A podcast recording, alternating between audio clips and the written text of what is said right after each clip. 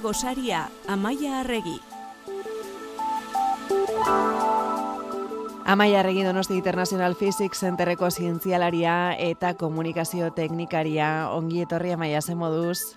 Kaixo, egunon, pozik, aste, aste berezi izan da guretzat, oso pozik. Pos, pozik, erekin berriarekin eh, zaudetelako hori izango genuke ez da? Bai, bai, bai, ja, bueno, hogeita iru urte ditu ja gure, gure ikerketa zentruak, eta, bueno, onditzen jarretzen dugu, eta eraikin berri bat egiteko momento iritsi da, eta, bueno, ba, oso, oso pozio. Ze astoramendu izaten direne, horrelakoetan, eta, eta gero zepoza. Bai, bai, bai.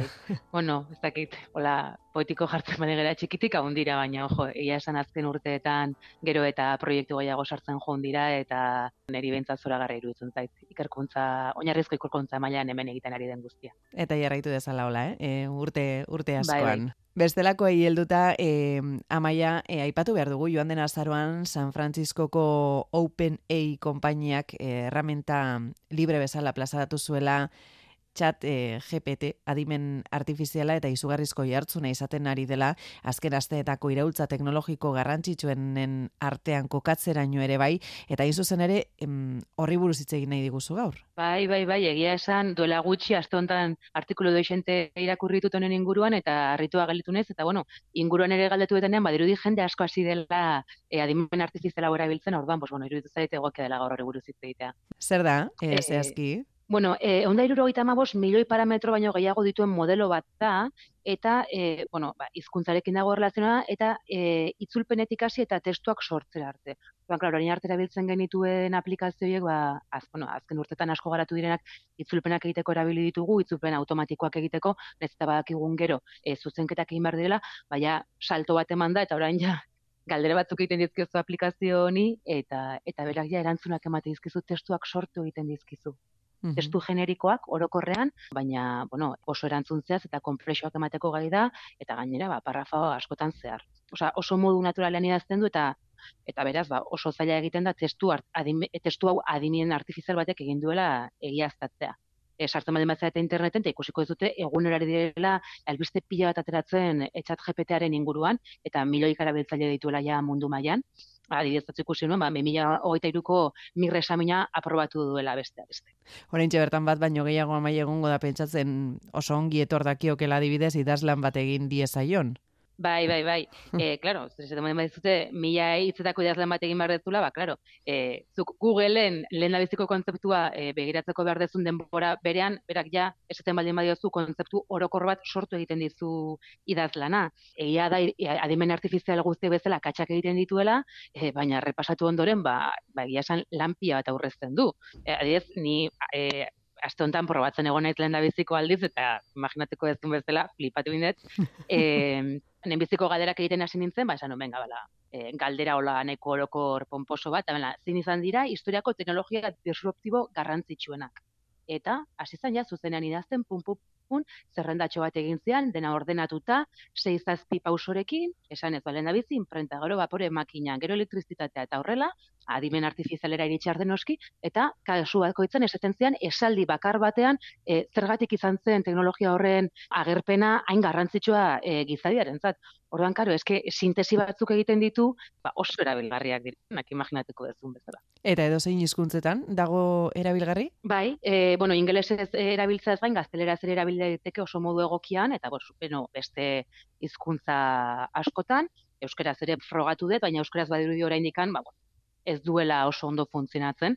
Zakit ikusi ez baina bidali nizun, ba, eskatu niola poesia bat idazteko, mm -hmm. eta idatzi zian poesia bat euskeraz, baina, bueno, nahiko eskaxa gorengoz. Baina ezkuntzak, ezkuntza estandarrean idazteko gai da, baina ez hori bakarrik, txeten baldin badiozu, bost urteko ume baten, hitz egiteko modua imitatzeko, gai da, e, hori egiteko, edo eta andaluz ez hitz egiteko ere, dialektoak ere e, kontrola ditzake. Mm. Eta, bueno, gaina, argitaratu berria da, azaroan. Erabiltzaile guztien bitartez, adimen horrek ikasten jarraitzen du.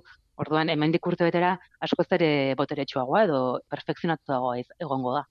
Eta edo zeinek erabili dezak, ez da, maia? Bai, bai, horrela da, orduan, sartzen zera, e, chat GPT-ren e, webgunean, eta e, usuario bat sortu behar erabiltzaile bat sortu behar dezu, eta ja bos minututan ja hasi zaitezke, ba, bidaliko dizute konfirmazio bat emailera, eta ja bos minututan hasi zaitezke erabiltzen. Gaina ez hori bakarrik, astentan esan dutenez, WhatsAppean ere instalatu daiteke eta, bueno, WhatsAppen instalatzeko, ba, beste pare bat mani horrein barko dituzu, baina behin ja WhatsAppean daukazunean, hilabete osoan zehar, e, e, ordaindu gabe, hogei galdera egin diezai zu. Osea, interneten erabiltzea e, doakoa da. Nahi dezun galdera uh -huh. guztiak baina WhatsAppera jetxine baldin badezu, ba, muga badaukazu. E, hilabetean, hogei galdera. Baina, bueno, abertzen bat denbora irauten duen honet, zeren hemen digutxira, seguro hasiko diala kobratzen. Ordaindu eta... dugula. Bai, bai, bai, bai. Tira, bai. ipatu diguzu lehen ere badituela akatzen bat edo, edo beste, eta mugak ere izango dituela pentsatzen dugu, ez? Bai, eta gainera gauzat komentatu nahi nuena importantea, claro, e, erabiltzen dezunean, hau txat bat da, osea, ez egiten duzu e, pertsona bat izango baliz bezala.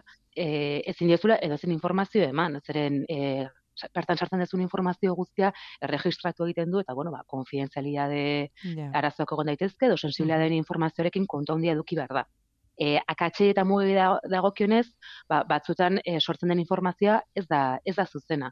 Eta, bueno, hori ikusietena, ba, pixkatere lasaitu naiz, baina egia da badakidala segituan zuzenduko ditut, dituztela akatxe horiek. Adibidez, e, galdetu nion, zen dira, e, fizikako nobesaria e, jaso duten emakumeak edo zenbat dira. Eta santzian hiru izan direla ba, hori gaizki dago, lau izan dira, mhm. duela gutxi 2008an eman diote astronoma bati, zulo belt supermasiboen aurkikuntzagatik, eta gaur egun lau dira, eta berak esan zen iru direla. Ezke badirudi, klaro, azkeneko urtetako edo 2008 batetik aurrako informazio oraindikan ez duela ondo integratzen.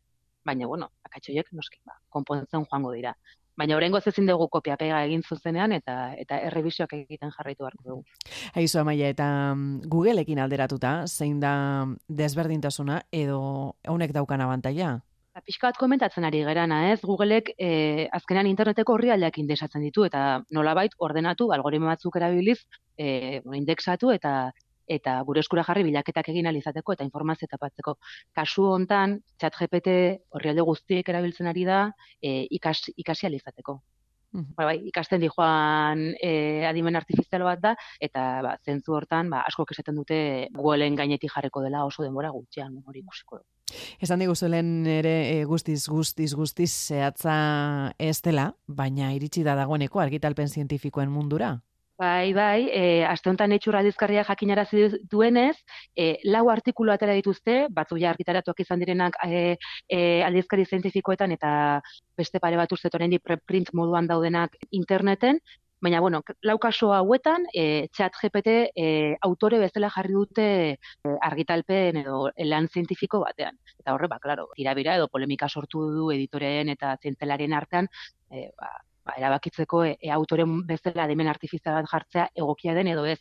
Gertatzen dena orain arte ez dela legislatu e, gai hori eta eta orain hasiko dira ba, horren inguruan e, hartzen aleketa modu egokienenan egiteko badirudi olokorrean ados daudela e, pentsatzen egokiena metodologia moduan aipatzea dela.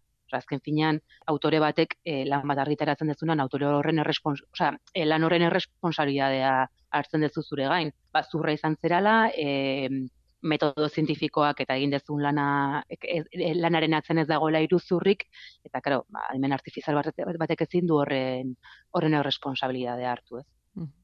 Eta, bueno, ikusiko dugu, baina, karo, fuertea da hori ere, autore bezala agertzea e, lan zientifiko batean. Eta zer diote orduan e, adituek, e, honen garapenari buruz? Jo, ba, bueno, orokorrean nahiko ados daude esatean, ba, modelo linguistiko hauek aldaketak e, eragon, eragingo dituztela eta oso denbora gutxian gainera.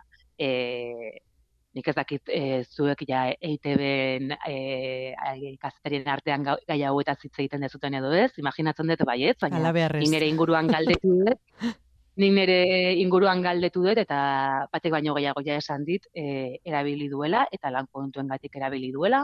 Adibide bat ematea ba, e, blanketek zian, jo, lan baterako edo e, e, sarrera bat prestatu behar nuen gai konkretu baten mm. bar, e, inguruan, behar nituen e, pauta orokor batzuk, eta pauta orokor batzuk emazizkian, ez nuen kopia batekin, baina hori e, oso, oso erabilgarria gintzen. Mm. ja, oso er, erramenta erabilgarria da lanerako, ez?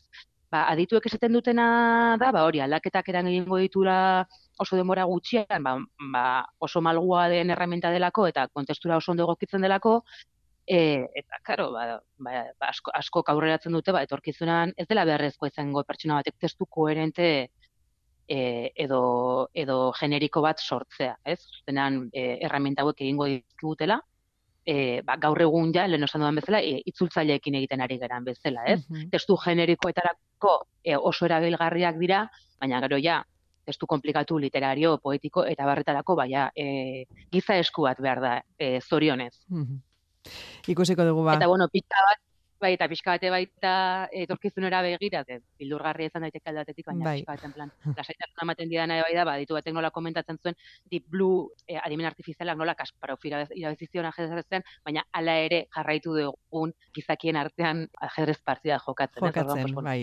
Eta eskerrak, eh? horri ere bai, eutxiko bai, bai. diogu, eta ikusiko dugu ea ze, ze garapen eta ze, ze bide e, hartzen hartzen duen honek. E, bestelako anamaia asteari begira, e, zientzia eta zinema programarekin e, jarraituko duzu, eh? Bai, e, datorren astean, ba, aste hartan iruñan Soilen Green pelikula distopiko ikusteko aukera izango dezute, e, Biotech Foodseko Mercedes Pila e, fizikariak aurkeztuta, uh e, pelikula hone ba, superpopulazioari, aldaketa klimatikoari eta janari artifizialeri buruz hitz egiten du, beraz oso interesgarria izango da. E, eta urrengo egunetan ja, e, irugarren pelikulara pasako gara, La herencia del viento izena du, eta Kontxi de la eta Monse Zerbeia biologoa izango ditugu Gasteiz Donosti eta Bilbon pelikula hau aurkezten. Tira ba, norbaiteke interesa baldin badu horiek ere esan da beraz. Amaia Erregi Donosti International bai. Physics Centerreko zientzialaria eta komunikazio teknikaria eskerrik asko.